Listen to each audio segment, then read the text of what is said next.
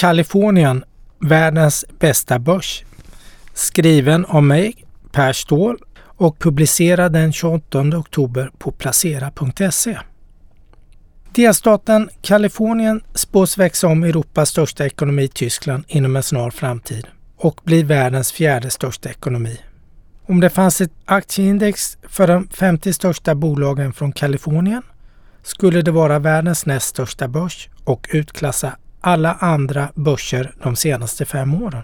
Det visar Placeras beräkningar. Innovativa och dynamiska Silicon Valley är motorn i Kaliforniens snabbväxande ekonomi. Silicon Valley har skapat en uppsjö av storbolag som Apple, Google, Tesla, Amgen och Nvidia. Regionen har från tid till annat varit utdömd av experter, inte minst efter IT-kraschen vid millennieskiftet. Mantrat från belackarna har varit att Silicon Valleys glansdagar är förbi och andra regioner och länder har kommit ikapp. Men inget har varit mer fel. Silicon Valley fortsätter att attrahera innovation och nystartade bolag. Enligt statistik från Statista finns det för närvarande drygt 70 000 startup-bolag i USA. Indien är global tvåa med 12 500. Storbritannien intar tredjeplatsen med drygt 6 000 bolag och sticker ut som den ledande platsen i Europa.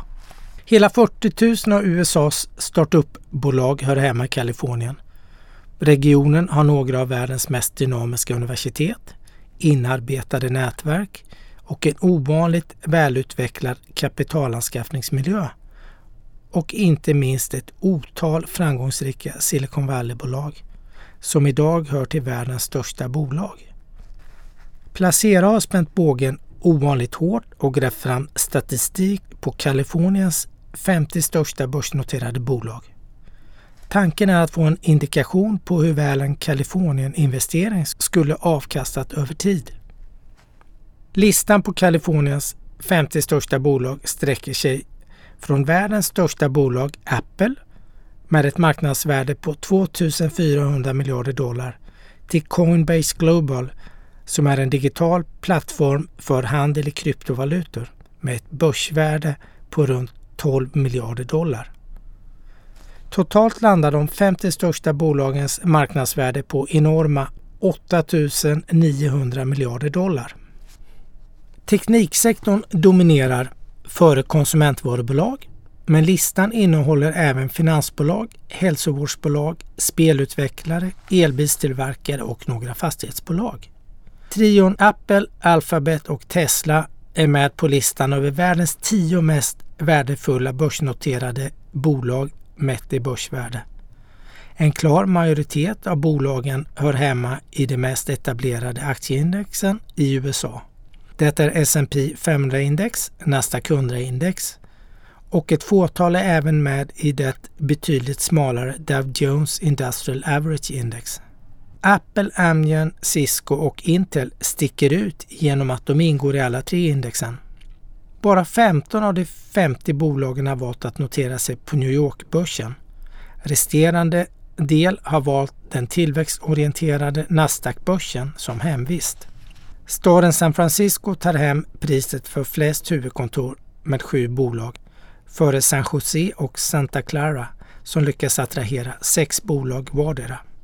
Värt att notera är att Tesla har flyttat sitt huvudkontor till Austin, Texas men grundades i San Carlo, Kalifornien år 2003. Jag har beräknat två olika typer av aktieindex.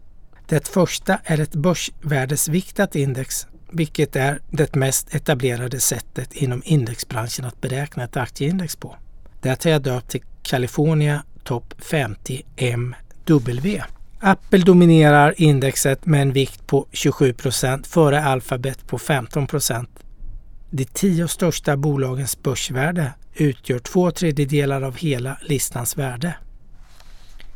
Utan tvekan är koncentrationsrisken till de tio största bolagen stor.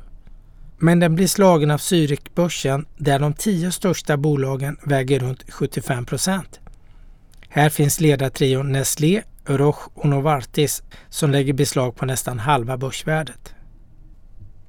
Det index jag döpt till California Top 50 MW har utklassat ett urval av index på både 3 och 5 års sikt. Avkastningen är hela 293 procent för den senaste femårsperioden mätt i US-dollar. Det klår både Nasdaq 100-index som hör till högpresterarna med 89 procents uppgång. Det betydligt bredare S&P 500-index har lyckats avkasta 50 procent och Stockholmsbörsen har en uppgång på motsvarande 27 procent. De bästa bidragsgivarna är Apple och Tesla. Tesla-aktien har avkastat 950 procent de senaste fem åren och Apple-aktien landar på 266 procent. De aktier som utvecklas bäst är solenergibolaget Enphase Energy som stigit över 21 000 procent. Halvledartillverkarna AMD och KLA hör också till högpresterarna de senaste fem åren. Meta Platforms, före detta Facebook och Intel hör till de få bolag med minusavkastning under femårsperioden. På tre års sikt har California Top 50 MW ökat med 80 procent mätt i US-dollar. Näst bäst är Nasdaq 100-index och det globala teknikindexet MSCI All Countries World Index Information Technology som når upp till halva avkastningen. S&P 500-index orkar bara med en 27-procentig uppgång. Den andra indexvarianten är ett lite mer okonventionellt index där alla ingående bolag får lika vikt. Det har jag döpt till California Top 50 EW. I år får de 50 bolagen som ingår en vikt på 2% vardera. Det reducerar problemet med koncentrationsrisken för de tio största bolagen. I det här fallet utgör de 20% mot två tredjedelar. Men nu skapar vi andra risker då indexet får en klart större lutning mot små och medelstora bolag. För nu får även Coinbase Global, som är listans minsta bolag, en vikt på 2% precis lika stor som Apples. Den likaviktade varianten California Top 50 EW lyckas ge avkastningen en turboeffekt. Nu landar avkastningen på hela 639% för femårsperioden mot tidigare 293. För de senaste tre åren landar avkastningen på närmare 140% och utklassar alla andra index. Turboeffekten beror på att 80 procent av bolagen i indexet får en större eller betydligt större vikt i den likaviktade indexet och vi hittar många av de stora vinnarna bland de mindre bolagen under femårsperioden. Hur har nu årets börskollaps påverkat de två kaliforniska indexvarianterna? Den börsvärdesviktade varianten har backat 28 procent och den likaviktade varianten 31 procent. Det är nivå med Nasdaq 100-index som backar 30 procent.